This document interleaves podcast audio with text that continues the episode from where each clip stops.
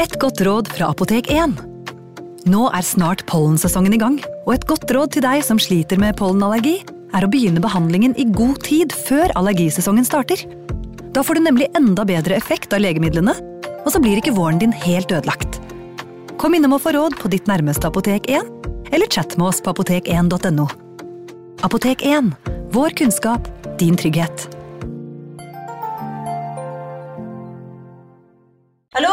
Jeg kommer fra Oslo politikammer. Ine Jansen er purk. Er du purk? The motherfucking bitch. Alt jeg vil, er å finne ut hva som skjedde med mannen min. Jon Carew. Er jeg sikta for noe? Iben Akeli. Det er du. Ole So, Lars Berrum og Big Daddy Karsten. Hvem sin side er du på, egentlig? Anette Hoff, Tone Danielsen, Kommer du fra Afrika? Jørnis Josef, Nesten. Kløfta. Trond Espen Seim, Det er synd å si det, men det var feil mann som døde. Purk. Premiere tirsdag på TV2 Play.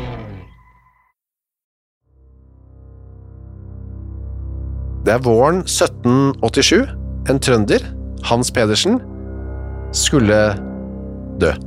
Muligens, eh, antageligvis ved Kambo utenfor Moss. Der var det et rettersted ved Molbekkjernet, inne i skogen. Mannen som skulle hugge hodet hans, het Frans Gottschalk Ledel. Han var skarpretteren på Østlandet. En av dommerne mente det å hugge i hodet av Hans Pedersen nærmest var barmhjertig. Han hadde nemlig synlig kreft, og på 1700-tallet betød det at det sto veldig eh, dårlig til. Det må ha både syntes og luktet. Men hvorfor skulle Hans Pedersen henrettes? Det skal denne episoden av Henrettelsespodden handle om.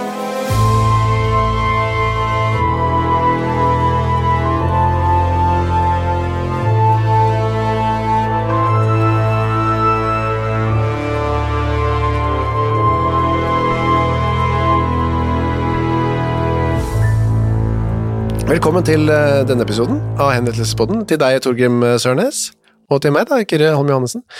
Eh, Målbekkjernet er et dystert sted.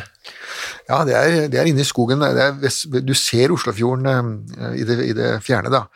Men det er ikke noe hus eller noe sånt der. Det ble i sin tid brukt til å hente is til mossingenes eh, primitive kjøleskap. Ja, Så det ligger litt sånn mørkt til, ja. Ja. Et passende sted å hugge huet av noen. Ja, I gamle dager så gikk jo Kongeveien der, Ja. eh, og det går en vei der fremdeles, men det er altså en, eh, en, eh, nå en grusvei, en mer sånn hyggelig sted å gå tur med bikkja, da.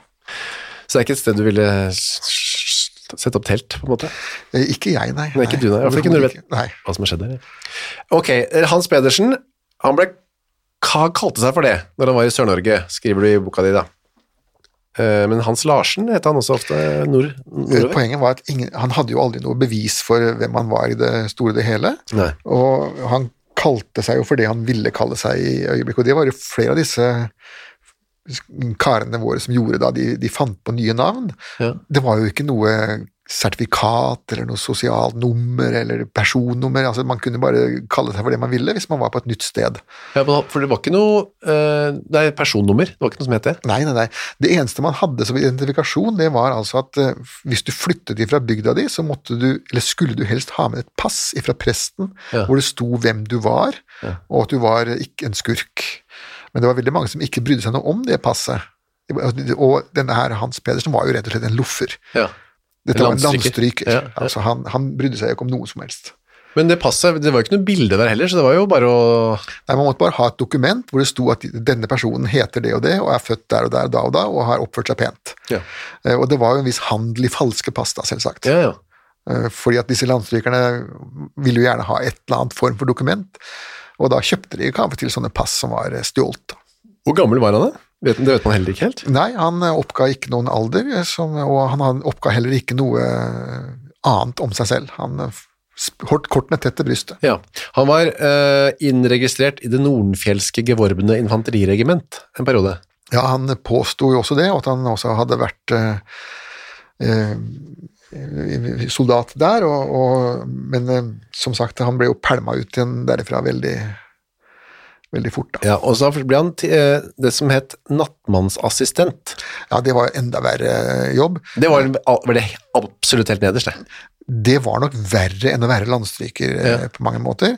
Altså Nattmannen selv var jo en avskydd person, og som regel en tidligere straffedømt eh, person. Og hans assistent, det var jo, da går du enda et steg nedenfor det nederst mulige steget, da. Ja, for nattmannen han måtte jo da tømme dasser og så videre, men også være assistenten til bøddelen. Ja, Han skulle holde hodet når folk ble halshugget, altså ikke de nappa det til seg. Ja, og så skulle han også flå selvdøde dyr. Ja, såkalt merraflåer, som vi sa i Østfold i sin tid, ja. Ja, og begrave selvmordere. Ja. Um, men han, Hans Pedersen var ikke engang det, han var assistenten, altså. Ja. Hva slags jobber var det han fikk, da? Det var jo de jobbene som, som nattmannen da ikke ville ha. Da kan du jo tenke deg Ja. selv hva det gikk ut på. Det, det må jo ha vært en, en helt motbydelig jobb. Han ville jo heller ikke ha han spesielt lenge. Nei, han, ble, han forlot jo Trondheim, ble kastet til Trondheim, eh, Hans Pedersen, da. Ja, Han var for ille til å være nattmann. Og det, det, den lista lå veldig lavt. Så da ville ikke Hans Pedersen det. Han gikk bare eh, med kona si, for han hadde klart å få seg kone, da. Han hadde tvunget til seg en kone, virker det som. I hvert fall Ja. så framstilte hun det selv sånn at, at dette, hadde, når han skulle forlate Trondheim, så hadde hun forsøkt å rømme og gjemme seg, men han hadde da klart å hanke tak i henne. Jeg har lett veldig mye etter deres um, vielsesattest, så den Ja. er ikke å finne noe sted. Så det er ikke sikkert de var gift. Eh, Det er ikke sikkert de var gift, og det er ikke sikkert han kalte seg for Hans Pedersen når de gifta seg en gang. Eh, Så det vet vi ingenting om. Han som sagt var en veldig løs eksistens. Men hun het Gunhild Olsdatter. Ikke sant? Ja, og, og både Hans Pedersen og Gunhild Olsdatter er kjempevanlige navn på ja. Jeg telte opp eh, folketellingen i 1801. Da var det 1000 Hans Pedersen Ja. i Norge, og så var det 1000 Hans Larsen. Så Og var, Gunhild Olsdatter var også en haug av, altså. Det var altså en eh, slags som man kunne gli inn i mengden av hvis man tok det navnet. på en måte. Absolutt. Det var Smith Jones. Så da, eh, i 1786, så har de to da, eh, lagt ut på et landstrykerliv, som jeg da regner med var å gå fra gård til gård, og tigge, var det det de gjorde, eller hva? Eh, Landstrykelivet går ut på å tigge, eh, stjele eh, eller gjøre forefallende arbeid. Knivsliping, Ja. saksesliping. Og de banker på, trenger dere hjelp, og så sier de ja eller nei. Ja. Eller så banker de på og så spør de har de noe mat å avse, og hvis de da sier ja, så tar de det, og hvis de sier nei, så sier de at de begynner å tromme fingrene og spør at eh, har du brannforsikring på fjøset Ja, ditt? riktig. Altså trusler og Var det vanlig? Det var vanlig, ja. Var det ikke noe med at man måtte slippe inn reisende, eller tilby dem noe ly, eller var det liksom Eh, aktverdige reisende ble, ble tilbudt ly, men landstrykere skulle man tvert imot ikke gi, gi ly, de skulle jages. Hva skulle de det? ja? Ja, Hvis det kom landstrykere uten pass, så skulle man bare få dem vekk så fort som mulig, og det var eh, ikke sett på som bra å gi dem husly. Nei, så det, det var ikke lett å være landstryker heller, da. det var ikke noe særlig deilig liv. Nei, det var ikke noe lett, og veldig mange av eh, landstrykerne hadde jo fryktelig kummerlige tilværelser, og de delvis også fordi de, de tok jo også slåss og drepte hverandre, da. Ja. men også fordi at de var uglesett overalt hvor de, hvor de kom. Det var hånd til munn de luxe. Absolutt. De kom etter hvert eh, ned til Vestby, og, um, og til, på slutten av mars 1786 kommer de til Son, står det her. De har plukket opp en tredjemann, en svenske som heter Kristoffer. Ja. Så de var tre i følge, da. Da var det tre følge. Denne Kristoffer var vel muligens ikke så fullt så mye landstryker som de to andre. Nei. I hvert fall ble han presentert som en slags handelsmann. Eh, altså Nå snakker vi ikke om kjøpmannen på hjørnet, men eh, en som gikk rundt og, og solgte små ting, og levde av det, da. Ja, for han hadde jo litt penger, dessverre dessverre for han. Dessverre for han, så Men han var også svensk. Ja, det var også dessverre for han. Ja. Så er det lørdag. Hans Gunnar og Kristoffer de banker på i Son hos en som heter en annen svenske, som heter Ole Svenske, kalles for Ole Svenske. Ja, og det var også veldig vanlig på 1700-tallet at eh, du fikk et oppnavn som skulle kvalifisere deg hvis du hadde et veldig vanlig navn. Som som Ole, så kunne du eksempel hvis du bodde på en gård, så var det Ole Piltingsrud eller Ole Skarperud. Men hvis du ikke var det, så kunne det være Ole Svenske eller Ole Danske eller Ole Hesteskjærer. Ja. At man måtte ha et eller annet oppnavn for å kvalifisere at det var den Ole man snakket om da. Ok, så dette var Ole Egentlig noe annet, men kalt Ole Svenske. Ja. Søndag står de opp, så Hans og Kristoffer begynner å spise frokost eh, som består av brennevin. De begynner å drikke. Ja, man drikker frokost. Og spiller kort. Nå var det veldig vanlig å drikke frokost på 1700-tallet. Var det det? Ja, det var en øgonøpneren, øh, og det var- jo flere som, som øh, klagde over at de ikke fikk frokostbrennevinet sitt av, av bonden osv. Så videre, så det, det var standard, det var ikke noe spesielt ille for dem. Altså. Nei, ok, så det var en eh, Til og med en søndag, bare ta seg en liten Ja, shot. man, man måtte få øgonøpneren ja, for å komme seg øh, av gårde.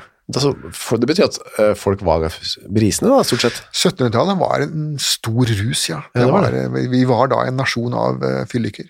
Men for det var ikke bare den, og så var det slutt. Man fortsatte litt sånn utover dagen. ja, ja, og det er jo masse rettssaker hvor folk som blir bøtelagt fordi de har spydd i kirken, eller eh, sovna under gudstjenesten, eller gått i slåsskamp på kirketrappa. Altså, det var jo ikke noen grenser der. Nei. Så de tar seg en brennevin, eh, men det med kort, det likte ikke Ole Svenske at de holdt på med. Nei, og det var litt pussig. Det sa, det sa nei til, for brennevin det var greit, for det drakk alle. Ja.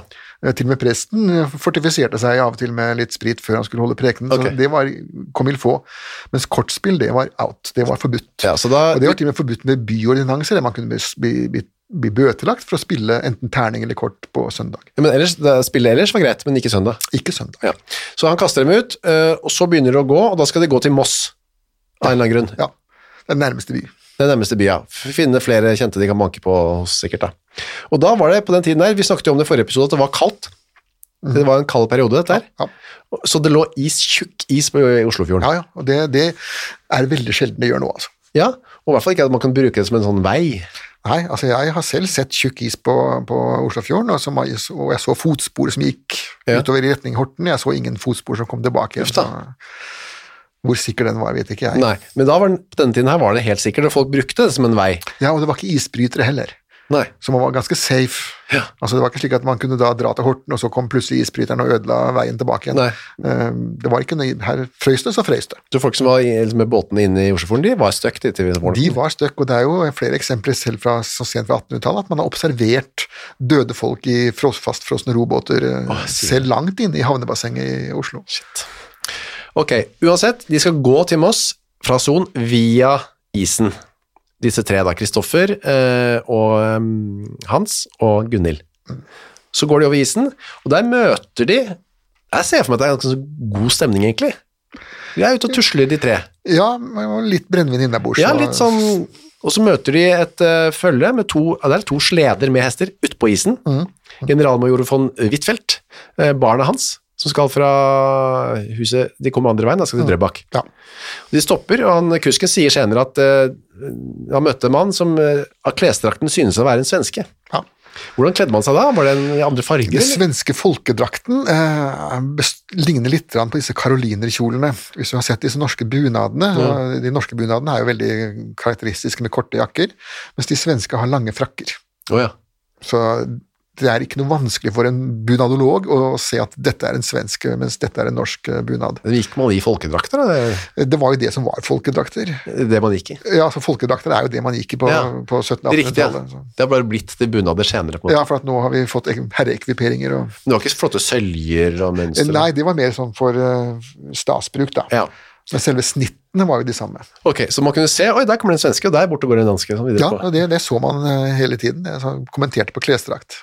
Løytnant von Huitfeldt, altså det er da ene sønnen da, til generalmajoren, spør eh, Hans Pedersen om isen var sikker, og det sa sikkert Hans Pedersen, ja, bare kjør. Mm. Så bestemmer Hans og Kristoffer seg uh, for å, at de vil spille mer, kort. Nå er de ute på isen, nå kan, jo, kan ikke han Ole jage dem. Men det er jo det som er rart, at det er kaldt, så har de lyst til å stoppe opp og spille kort. Den syns synes jeg er vanskelig å se for seg, men Eh, Jeg også, og, og jeg ville nok ikke ha gjort det. nei. Eh, Men disse menneskene hadde jo allerede da varmet seg opp ganske grundig på forhånd med, med sprit. Mm. Eh, Og for det første så vil jo da deres kuldefølelse bli lavere. Ja. Eh, Dømmekraften blir også lavere, både av kulden og av spriten. Det kan vi kjenne igjen. Ja, Det tror jeg alle har vært borti. Ja. Og så bestemmer man seg for at nei, nå gjør vi noe som er gøy, nå spiller vi kort. Setter vi oss ned midt på isen her og tar et... Men eh, hva slags brennevin var det egentlig man drakk den til? Eh, Det var eh, kornbrennevin stort sett de, de drakk. Eh, lagd av bøndene selv på, på gårdene, Ja. stort sett. Altså, det var jo ikke noe polvare, det var jo ikke noe pol heller. Nei. Så enhver bonde lagde sitt eget brennevin, og det ble jo oppmuntret til det fra myndighetenes side. Ja, Fordi at korn, det var en ubestandig vare.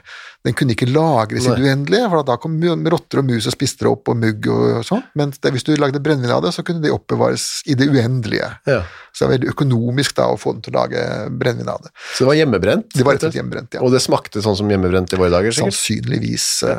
Litt avhengig av hvilken bonde de hadde fått det fra. Ja, ja. Ok, de spilte, og det synes ikke Gunhild var noe god idé, som skjønner det, og sier jeg går i forveien, så flere kommer etter.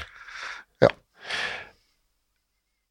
Det de gjør er at de begynner å spille et kortspill som heter femkort, og det eh, står det litt om her, det det, man, tar ett, man får fem kort hver, da, og så er det ett og ett kort man tre, legger ut. Ja, så Det ligner litt på det som het krig i gamle Ja, ja, dager, ja. altså, hvor, hvor det bare er veldig enkelt og ikke noe vanskelig å, å lære reglene på. Da var høyeste kort vinner. Ja, man legger ut, og så det, Ok, det er kløver, og så kommer det andre, en kløver ni, og da slår kløver knekt. Ja, Da får jeg potten Ja. som jeg legger ut. Ja. Det er veldig enkelt spill, da. ja veldig. Men dette var jo også veldig enkle mennesker. Ja. Så vinner Hans Pedersen 10 skilling, som er potten, og da, syns, da uh, sier Kristoffer, altså svensken, at nå vil jeg ha tilbake de 16 skillingene som du skylder meg fra før av.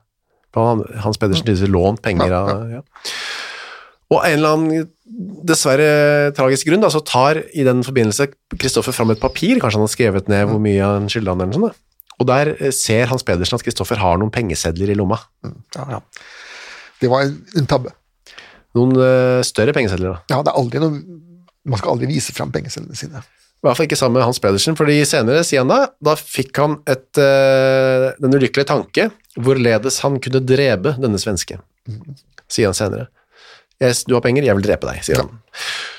Og så går de litt, og da ser plutselig Nei, det blir et lite håndgemeng, ja, fordi eh, det blir litt sånn eh, Kristoffer maser på de pengene, og Hans vil ikke, og så blir det sånn dytting, og Kristoffer skyver til Hans, og han detter.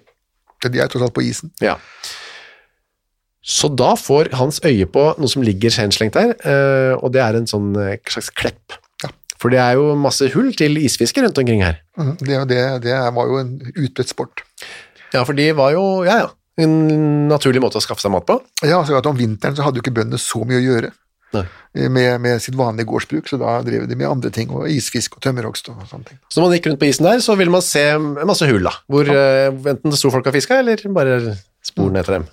Og da ser eh, noen som har glemt den, da sikkert, en sånn klepp, en stokk med en sånn pigg ut, så hekter fast fisk når den kommer opp. Og tar denne kleppen, og Kristoffer blir eh, mistenksom og spør hva er det du skal med den da? Og da sier Hans bare at han skal, han skal bruke den som en slags spaserstokk, da han skal lene seg litt på den. Men det er jo ikke det han gjør. Nei. nei. Han, eh, det er et mordvåpen fra nå av. Han venter at Kristoffer snur seg og dryler til han med denne fiskekroken, som de kaller det, da, i hodet. Så han stuper forover. Og slår han en gang til for å være sikker. Mm. Det gjelder å være sikker, som sagt. Ja. Og så tar eh, pengene hans, da. Dette, alt dette er basert på hva Hans forklarer senere, ikke sant, i, Jo. i rettssaken. Så skal han kvitte seg med liket, finner Hans ut av. Det, og det går ikke så greit for seg. Nei, altså han, Det enkleste når du er på isen, er jo å få vedkommende under isen. Eh, og det Ukas annonsør er Cura of Sweden. Visste du at verdens søvndag feires den 15. mars? Nei. Det er en dag som er til for å skape oppmerksomhet rundt dette med søvn. Og så er det en god anledning til å tenke over dette med egne søvnvaner. Jeg er jo veldig glad i å sove, jeg er så glad i å tenke på å sove, og så veldig glad i å glede meg til å legge meg. Jeg så på Squid Game med familien her eh, rundt juletider. Der legger jo deltakerne seg eh, hver kveld da, i sengene sine, og da, det kunne jeg nesten synes var høydepunktet av Squid Game, var når deltakerne la seg. Jeg synes det så så deilig ut å legge seg. Nå hadde ikke de Cura of Sweden vektdyner, da, riktignok, eh, som hadde gjort det enda bedre. Det er en ny studie nå fra Uppsala universitet som viser at vektdyne, bruken av det, øker melatoninnivået hos friske unge voksne eh, når de legger seg. Da. Og melatonin det utskilles for å fortelle kroppen at det er på tide å sove, og så kan det bidra til å øke trøttheten. Da. Med andre ord, har du en vektdyne fra Cura of Sweden, så får du mer melatonin og enda bedre søvn. Da. I tillegg til vektdyner og tepper, så har Cura også andre produkter som skal gjøre søvnkvaliteten vår bedre, blant annet AirTemp-madrassen de har, som hjelper til med å regulere kroppstemperaturen. Altså, det er så mye å boltre seg for oss som er glad i å sove. Og fram til 15. mars så feirer Cura verdens søvndag med opptil 60% rabatt på curaofsweden.no, og bruker du koden vår HENRETT med to t-er, får du i tillegg 25% avslag på både originale og nedsatte priser. Sov godt!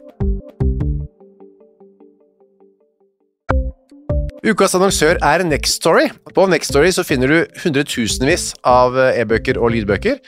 Du finner folk som jeg har eh, intervjuet og snakket med, og liker bøkene til. Agnes Ravatn, hennes siste bok. Gjesten er der. Nina Lykke, sin siste bok. Vi er ikke her for å ha det morsomt, er der. Og så er det jo det er krim, biografier, essays, eh, romantikk, sannhistorier, barnebøker, faktabøker, spenningsbøker, science fiction Alt mulig du kan tenke deg. Og også bok av uh, Torgrim Sørnes. De henrettede igjen, Ondskap, for eksempel. Det er da uh, Torgrims gjennomgang av en del av sakene fra 1800-tallet, som endte da med halshuggingene, som de gjerne gjorde.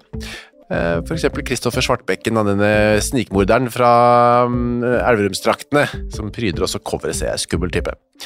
Eller da, som sagt, forferdelig mye annet. Gå inn på nextstory.no skråstrek henrettelse registrer deg der, så får du seks uker gratis tilgang til nesten uendelig mange bøker. God fornøyelse. Har vært gjort mange ganger før og senere i norgeshistorien. Det er som regel ikke spesielt vellykket. I dette tilfellet var det veldig lite vellykket, for det var ikke plass. Det er for han finner et hull? Han finner et hull, men det er for lite, så han får bare hodet og den ene armen eh, til liket nedi der, så resten blir liggende igjen oppå, oppå isen. Så han stapper, uh, stapper det liket oppi hullet? Ja, prøver iallfall. Men det, nei, det går ikke, så gir han bare opp, da? Ja, og det, det er jo psykologiske årsaker. Altså, hvis han skulle vært der videre nå, så måtte han jo hogd større hull. Ja. Det hadde gjerne tatt en halvtime eller en time å få gjort det større, og i mellomtiden kunne hvem som helst komme og spørre hva er egentlig du driver med, og hvem er han som ligger der. Mm. Så da, hvis han ikke fikk gjort det fort, så gjaldt det bare å komme seg vekk. Så han lar eh, stakkars eh, Kristoffer ligge sånn halvveis ned i et sånt eh, pilkehull, da, Ja. og skynder seg videre og tar igjen eh, Gunhild, Mm s- som ja, ikke sier noe, altså som bare sier ja vel, der er du. Eh, Jeg tror ikke Gunhild hadde noe lett samliv med Hans Pedersen, så Nei. hun har vel lært seg til å holde munnen, tror jeg. Ja, riktig. Og så kommer de seg til Moss. da. Det viser seg at det var 7,5 riksdaler han fikk ut av det da. Ja, det var jo ikke akkurat noen fyrstelig sum. Nei, Hvor mye var det egentlig? Hvor mye var en riksdaler verdt? Nei, eh, en bonde, en dreng, en gårdsgutt på landet, i tillegg til kost og losji, kunne tjene en eller to riksdaler i året. Å ja, ja, så det var noen årslønner, da. Det var noen årslønner for en Bonde. gårdsgutt. Gårdsgutt, ja. Så men da, hvis du hadde noen riksdaler da, så hadde du nok for en stund, liksom. En, et rimelig lite småbruk kosta 150 daler. Ja, ok. Ja, så han var ikke rik, men han hadde ja, Nei, det var ikke noe så veldig mye å gjøre seg til morder for, da. Uansett så kommer de seg til Moss eh, for å overnatte hos en skomaker. Mhm, ja. Eh, Kona hans, Else, hører at Gunhild spør hva som skjedde med Kristoffer. Og da blir han, eh, Hans ganske streng. ja, da, nå er det å passe kjeften sin. Hva er det nå du kommer med, sier han strengt til henne. Og da hun, eller skjønner hun at nå gjelder det å Ja, ingen spørsmål. Ingen spørsmål. Dette hører Else. Og da Ole kom, altså, kommer Ole hjem, altså, da mener jeg han skomakeren. Heter også Ole. Ja, ja. Det veldig som sagt, det var veldig fattigdom på navn. Ja, Ole var veldig mye brukt. Ja, veldig. Og det er det fremdeles. Og han så neste dag, han eh, skomakeren, da, at uh, Hans har noen penger i hendene. Og dette gjør jo etter hvert uh, For da så blir jo dette liket oppdaget av en fisker. Etter at han, uh, ja, han Huitfeldt kommer tilbake, ser noe blod på isen, så kommer det en fisker som heter Rasmus Rasmussen, som ser plutselig da denne svensken som står med, eller ligger da, Ja. halvveis oppi et hull, og sier fra til lensmannen da. Og da er det vel, man bare tenker, da er det en eh, morder i nærheten, la oss finne ham. Og så finner de han. Ja. Er det da fordi han har vært og uh, betalt med noen store sedler på en sånn kneipe? Ja, den, den, den vanligste grunnen til at rovmordere ble tatt på 1700-tallet, var at plutselig kommer da en lutfattig mann og er stinn av gryn. Ja. Uh, Og da, altså, de hadde jo ikke, de hadde jo ikke forståelsen av at det gjaldt å vente og ikke bruke pengene med en gang. Tvert imot det gjaldt å få brukt dem så fort som overhodet ja. mulig. Det er en hånd-til-munn-mentalitet. Ja, og det viser jo igjen at det, dette var heller ikke den eh, raskeste traktoren på jordet da. Nei. Fordi han, det er på en kneipe som heter kalles for Pølsebroen, står det, Ja, Pølsebroen, ja, det var et beryktet sted i, Ja. i Moss. som ikke finnes. Eh, Gudskjelov. Eh, Det er tilsvarende steder der, men de heter ikke det lenger da. Hva, men da, dette er en slags pub da, på en eller annen måte, eller? For de mindre, eh, hva skal vi si, vellykkede sosiale eksistensene i Moss. En ekte kneipe, på en måte. Ja. Og der sitter Hans Pedersen og kona hans, Gunhild, og hiver innpå med brennevin og øl. ja, og jeg tror ikke det var hvite duker på bordet Nei. på Pølsebroen. Og der ble det da noen tipset eh, eh, myndighetene om det, og der ble han arrestert. Tilsto han da ganske etter hvert hva han hadde gjort, eller var det vanskelig å få ut av han? Nei, altså poenget, det var liksom litt pussig også. Veldig ofte så tilsto de nærmest tvert. Ja. Eh, hva de hadde gjort. I dette tilfellet så hadde jo han altså Gunhild da, som kunne fortelle om hva som hadde skjedd, eh, og du hadde jo da Ole Svenske som hadde sett at de hadde gått av gårde, og så hvem ellers kunne det ha vært? Ja. Eh, Da var det slik at det var flere måter å få folk til å tilstå sånne ting på. Den ene var jo selvsagt ved hjelp av presten, som kunne si at tilstår du nå, så har du større sjanse for å få et evig liv. Den andre var via fogden. Hvis du tilstår, så kan det være formildende, kanskje du slipper eh, dødsstraff. Fogden er det dommeren, på en måte? Ja, fogden er på en måte den tiltalende aktor. Ja, aktor, ja. Sorenskriveren er dommer. Ja. Um, sånn at eh, man blir lokket litt med at hvis du tilstår nå, så vil det komme deg til gode.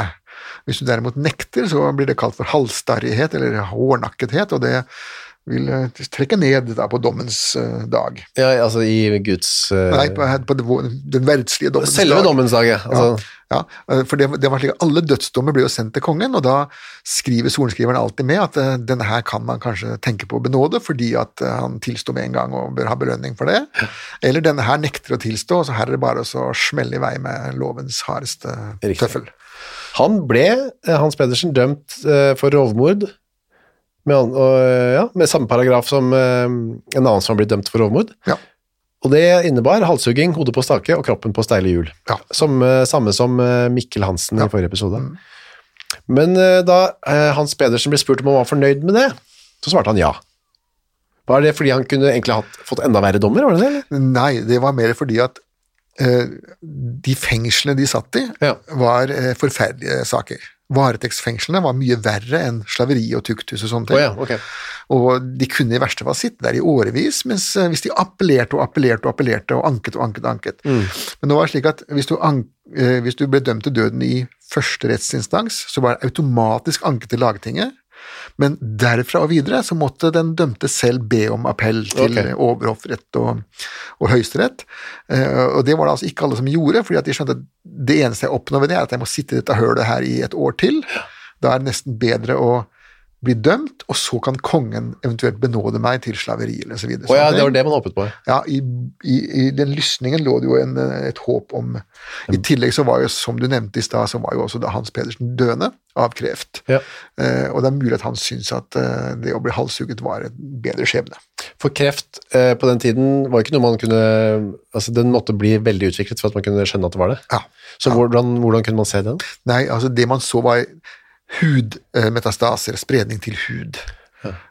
Man hadde ingen som helst mulighet for å se kreft inni en kropp Nei. på 1700-tallet. Det man så var ut, sårene, eh, åpne, væskende sår. Ja, det på- blir på sår. hud. Ja, Ja. Store kratre på huden som da stinker noe aldeles forferdelig.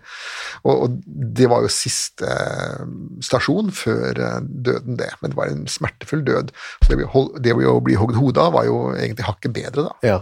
Men han ba eh, Pedersen og øh, han sukker og edbedrer at han står i, en, i dommen her, da, eller en slags svar fra Hans Pedersen når han får dommen, at han ber at hans uskyldige kone må stilles på frifot, da hennes gråt og tårer som han ei kan unngå i arresten, at høre om en skjønt de ei sitter i et værelse til sammen, dagligen besvære ham. Altså selv om de ikke sitter sammen, så hører han Hører gjennom veggen at hun sitter og skriker. Gunhild gråter og skriker, ja. Eh, så det ber om hun kan få lov til å slippe, da. Ja, det var jo et vakkert, eh, vakkert trekk, det. Ja, hvis det ikke var det at han bare syntes det var slitsomt å høre på en Eh, Det var jo ikke så vakkert trekk. Nei det kan vi, vi kan la han uh, tvile. Tvilen komme den tiltalte til gode. Det kan vi absolutt gjøre. Han får Hva skjer med henne, egentlig? Nei, hun ble bare sendt av gårde. Ja, hun, hun ble ikke dømt på noen måte. Nei, altså det eneste hun kunne bli dømt for, var jo landstrykeri. Ja. Eh, og det var jo egentlig ikke noe man alltid dømte folk for. Man gjorde det av og til hvis de var helt notoriske, men som regel så ville man bare få dem ut av fogderiet. Ja, Altså, ut av området. Hvis du, hvis du har lyst til å vandre på landeveien, så gjør det, men vandre vekk herifra. Ja, riktig. Så man ble bare liksom deportert fra Fra sted til sted. Sted til sted, og, og hvis de da kunne komme seg over til Sverige eller Danmark, bare klapp, klapp, klapp, da har vi problemet løst. Da kunne man i teorien bare være borte et år og så komme tilbake. Ja, det gjorde de òg. Ja, for ingen hadde kunnet Nei, de vandra jo rundt og rundt og rundt. Ja, ja, ja. Ok, så håpet han litt på at kongen skulle benåde han, eller det står ikke noe om, men det gjorde han i hvert fall ikke. Nei. Og kongen benådet nesten aldri rovmord. Benådet ikke, nei? Nei. Nei. Altså, kongen benådet ofte mordere, men uh, rovmordere var uh, ille ansett. Ja, for det står han, uh, kronprins Fredrik også vendte tommelen ned for Pedersens annen anmodning om nåde. Ja. Dommen skulle fullbyrdes. Det var 16. mars 1787. Ja. Og da er vi tilbake igjen til våren. Det står jo ikke nøyaktig, for det er blitt borte akkurat de Ja, der De der er blitt borte, men eh, det står etterpå at han er blitt henrettet. Ja, så dette var på våren, sommeren 1787, kan vi tro at det var det da?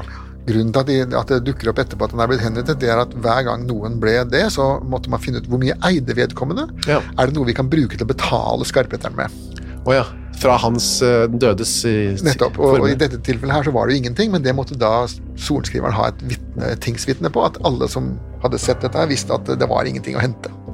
For da, da ville kongen betale. Ja, så det var ikke sånn at da måtte skarpetteren gå tomhendt Nei, hjem. da betalte kongen. Det var han eh, Frans Gottschalk Ledel, da ble han tilkalt, for han bodde i, hvor bodde han, bodde han i Kristiania? Han bodde i Oslo, ja. Kristiania. Ja. Og ble, nå skal du ned og halshugge Hans Pedersen. Hvis du går på Galgeberg, og så ser du det grå huset som er mellom barnehagen og Flagstad, Ja. der bodde Var det der han bodde? Den står enda. Ja, det heter jo Skarpretterboligen. Ja, ja. Var det han som bodde der? Ja, den ble, den ble bygd i 1749, og da flytta han inn. For da var det han overtok som skarpretter fra sin far, da. Ja. Gamle August, som hadde bodd eh, litt mer nede i byen. Det er ikke hans barnebarn barnebarn som bor der nå, regner jeg med? Eh, jeg tror slekten har dødd ut, Ja. rett og slett. Er, jeg har hørt at det er noe annet, det er noe sånn barnehage eller noe. Det er en barnehage ved siden av der. Ja. Ved siden av. Ok, uansett, Ledel ble kalt inn, og han da tok med seg øksa si, som han hadde hjemme, eller? Den øksa hadde han eh, hjemme. Sverdet derimot tilhørte ofte eh, kommunen, Ja. eller fogden, da. Men det var ikke så mye sverd, eh, Nei, det var øks. Fordi sverd, det var utgangspunktet flottere. Sverd det kunne du bli henrettet med fram til 1792 hvis du hadde eh, spesielle forbrytelser. Var gjerne incest. Ja. Eh, Da kunne du bli henrettet med sverd. Og hvis det var såkalt eh, paragraf 661, eller sånn forsettlig drap, eh, drap under slagsmål eller sånne ting, så kunne du bli henrettet med sverd. Det var en del sånne finere ting da, som gjorde at du kunne bruke sverd på dem. Mens eh, det er så vanskelig å henrette folk med sverd. Det er en Ja. veldig vanskelig teknikk, og det krever at man har et ordentlig rettersverd også. Slik at det ble etter hvert avskaffet, det. For det gikk dårlig mange ganger. Det var en veldig mye hakking, eh, spesielt i Nord-Norge, hvor de ikke hadde rettersverd, og hvor de heller ikke hadde noe særlig øvelse med det. slik at det ble avskaffet først på Bornholm, og så i Finnmark, og så i Nordland, og så i, i 1792 så var det den siste nordmannen som ble henrettet med sverd. Det var en voldtektsforbryter i Buskerud, og etter det så, så ble det forbudt. Da var det øks for alle. Ja, fordi sverd, det som man, for å bli henrettet med sverd, så måtte man stå på kne og så se opp. Ja, Så måtte han, sverdmannen, da, skarpretteren, treffe. Ja, han måtte svinge en horisontal bue, og så skulle han slå hodet av. eh, Og Det er som sagt en veldig vanskelig teknikk, og det krever at man har et veldig tungt uh, rettesverd. Skarpt. nytter ikke med en vanlig sabel. Uh, så det var, det var vrient. Eh, De største ekspertene i moderne tid var jo de japanske soldatene under annen verdenskrig. De Ja. øvde seg jo på kinesere eh, det var- og fotograferte det med stor glede. Da, og da var også poenget var å få hodet av i ett slag. Ja. Så de øvde og øvde og øvde på det. Mens derimot det å hogge hodet av folk med øks, det er kan du hogge ved, så kan du det. Ja, for da legger de hodet på en eh, slags blokk, Ja, eh, hoggestabbene. og så står det en eh, han eh, assistenten som vi var innom i stad, eller det er nattmannen, da. Mm. Ja. Og Og står da og holder hodet, eh, enten nattmannen eller den såkalte bøddelknekten. Hvis, hvis, hvis bøddelen hadde en som var under opplæring, så kunne han også gjøre det. Ja. Han skulle enten holde den i håret, eller i ørene, eller i halstørkleet.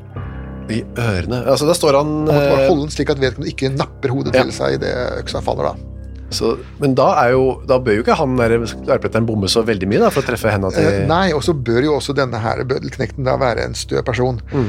Um, under den siste hendelsen i Lofoten så måtte de ta tilkalle en amatør bøddelknekt, og Ja. han ble så sjokkert at han mista hele hodet. Uff. Og det ramla da bortover på skafottet og havnet på halsen.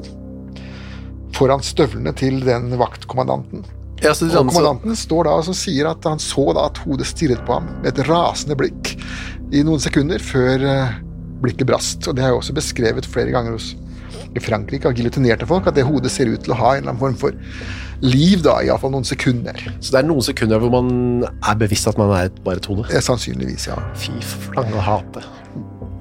Ja, men de var ikke det blide. Nei, Vi hadde jo hun Charlotte Corday. Hun, hun ble jo halshugget med giljotine. Da tar bøddelen og løfter opp hodet, og så gir han det en, en ørefik. Og da blir hodet rødt på begge kinn. Fordi hun blir så rasende av rød, Ja. rødme eller raseri? Ja. Ok, så det var Ledel som tok eh, og slo hodet av eh, vår venn Hans Pedersen. Ja, han var Østlandets skarpretter den gangen. Og vet du om var, pleide han å gjøre jobben skikkelig, eller? Han var en fagmann. Det var jo veldig få norske bønder som har gjort like mye eh, jobb Ja, som han. Han han var jo en meget ettertraktet eh, mann. Eh, Dessverre så betydde det at han var stort sett alltid på reisefot, så det gikk ikke så veldig bra med barna hans, da han var jo ikke den tilstedeværende familiefar. Så. Han var ute og drepte.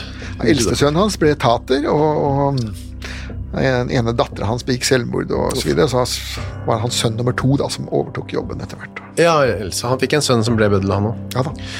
Hans Pedersen, eh, halshugget, og det sa vi i stad, det var på dette Molbekk-tjernet hvor du har vært, og det er mørkt og trist. Veldig, ja, det er et dystert landskap. Dystert landskap, i hvert fall. Men um, var det sånn som med Mikkel uh, i første episode, at man bare lot det ligge der, eller? Ja, han skulle altså da stå på den steilen av hjulen helt til de datt ned av seg selv. Um, og det som da skjedde, var at noen av og til uh, stjal hodet. Når det datt ned, så stjal man hodeskallen, og det er flere eksempler på det. At den ble da, den ble da malt opp og brukt som medisin. Eh, en kar fra Toten han stjal en hodeskalle fra retterstedet der og malte det opp fordi at dattera hans hadde menstruasjonssmerter. ja Men altså, han fikk ikke malt det opp fordi hun ble gravid før, og da forsvant jo menstruasjonssmertene. Ja. og Da hadde denne hodeskallen liggende på loftet. da. Som pynt. Ja, andre de har murt den inn i vegger og spadd ned på stedet. og Når du blir lei av å se på dette, så, så spadde det gjerne ned akkurat der det lå. Det kom aldri på kirkegården. Nei, så betyr det at i teorien så kan det ligge levninger av Hans Pedersen ved Molbekk-tjernet fremdeles? Absolutt. Så det er jo noe man kan ta med seg på søndagsturen, en liten spade. Hvis man har lyst. Eh, For de som liker den slags. Ja, det vil ikke du anbefale? Det, Nei, eh, plukke sopp, kanskje. Heller det. Bare ikke akkurat der, da. Nei. Du, vi er tilbake igjen om en uke, vi, Torgrim Sørnes. Jeg skal bare nevne igjen at eh, disse er hentet fra boka di Uten nåde, som man kan både laste ned og kjøpe. Eller. Kjøpe. Og så kan man bare bli værende ved podkastapparatet sitt og høre på oss. da. Vi er tilbake igjen om en uke. Takk for denne gangen.